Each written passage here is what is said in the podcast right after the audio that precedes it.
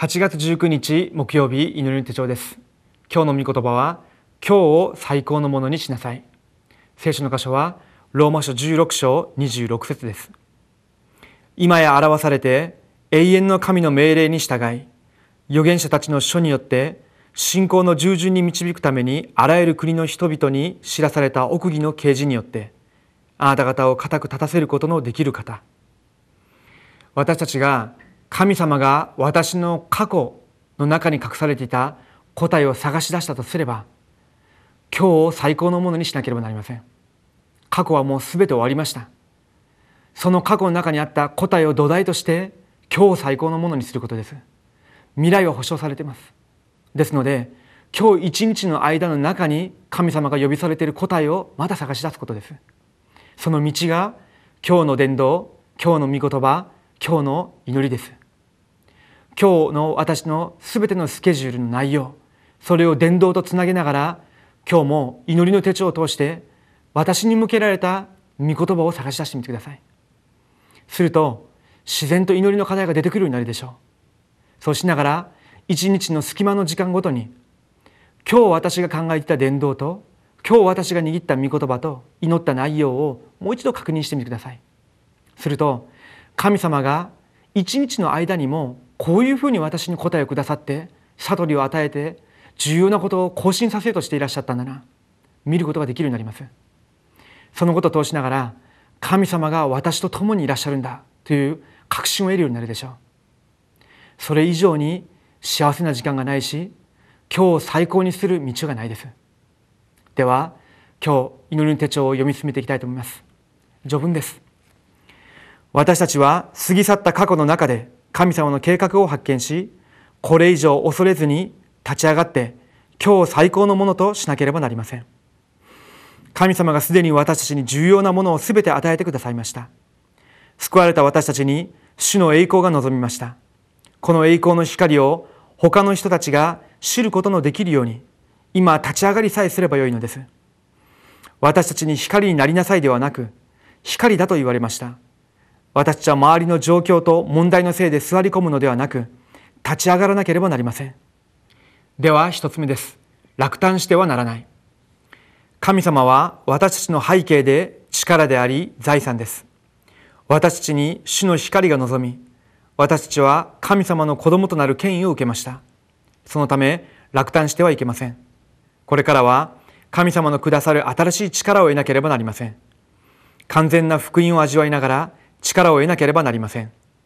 日々福音の中で自分自身を探し出しながら合理的な考えと専門性と冷静を備えるならば多くの答えと働きが起きるようになります。私たちが落胆してしまうと心の力が落ちるばかりでなくて霊的な力リズム全部崩れるようになります。その時に病気さえも患うようになります。私は神様の子供です。救われたものですので全ての祝福がすでに与えられたし今日私がそれを探し出したいするんであればいくらでも味わうことができます。ですので信仰の勇気を持って起き上がりさえすればいいです。今日私に与えられている御言葉を握ってまた今日神様が用意されている答えを探し出すんだとそういう思いで現場に行っていただきたいと思います。では2つ目です。私が新しいことを行う。どのように今日を最高のものにすることができるのでしょうか？レムナント7人は一人も欠かさず苦しみに出会い苦しみの中で神様のなさる新しいことを探し出しました。今日を最高のものとするということは神様がなさる新しいことを探すことです。大変で難しい状況が初代教会に続きました。しかし神様は地球上で最高の答えを初代教会に準備されていました。神様の祝福は大したものでないように見えることや些細なことの中に隠れています。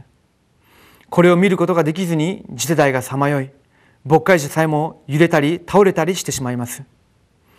これがまさに暗闇の勢力の戦略です。私自身が自分自身を見てみると本当に足りなくて弱いように見えます。霊的な問題も本当に多いかのように見えます。ですけれどもその私と神様は共にいらっしゃいます。ですので今日の伝道今日の御言葉今日の祈りその内容を記録して一日の間起きたこと考えたこと感じたこと記録してみてください。夜になってそのことを黙想してみると神様が自分とこのようにして共にいらっしゃったんだなということが確認できます。一週間の間自分自身の霊的な問題弱さでつまずいたりすることもあるでしょう。人間関係でまた試み合うようなこともあるでしょう。その中でも一週間の間伝道と御言葉と祈りの中で私と共にいらっしゃったその記録をもう一度確認してみてください。すると私の弱さと関係なく神様がこのようにして私の時間時間の中で新しい宮座を成していらっしゃったんだな。そのことを確認することができます。では3つ目です。祝福を味わう奥義を持ちなさい。私たちには目に見えない素晴らしい霊的な奥義があります。私たちは神の国の奥義を持った者たちです。またキリストという単語を持ちました。キリストを通して御言葉が成就する奥義を持った者たちです。イエスの皆を呼ぶ時精霊が働かれ見つかりが活動し暗闇の勢力が打ち砕かれる霊的奥義を持った者たちです。この霊的な目を持って問題を見るならば、すべてが答えとなります。数えきれないほどの危機がすべて機会となります。この時、誠の更新も始まります。この祝福の奥義を持って私たちは今日を最高のものとして味わうことができます。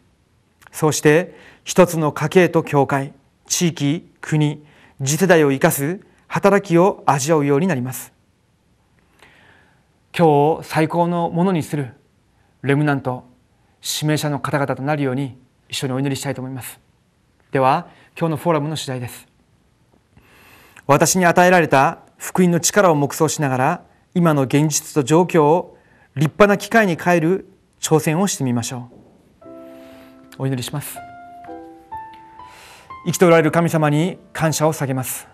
神様が私に与えられた過去を全て土台にしその中に隠されていた答えを持って今日最高のものとすることができるように新しい一日を与えてくださり感謝を叫びます。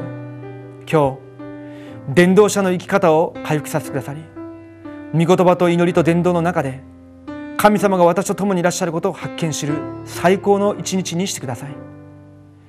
生きとられるイエス・キリストの皆でお祈りします。アメン。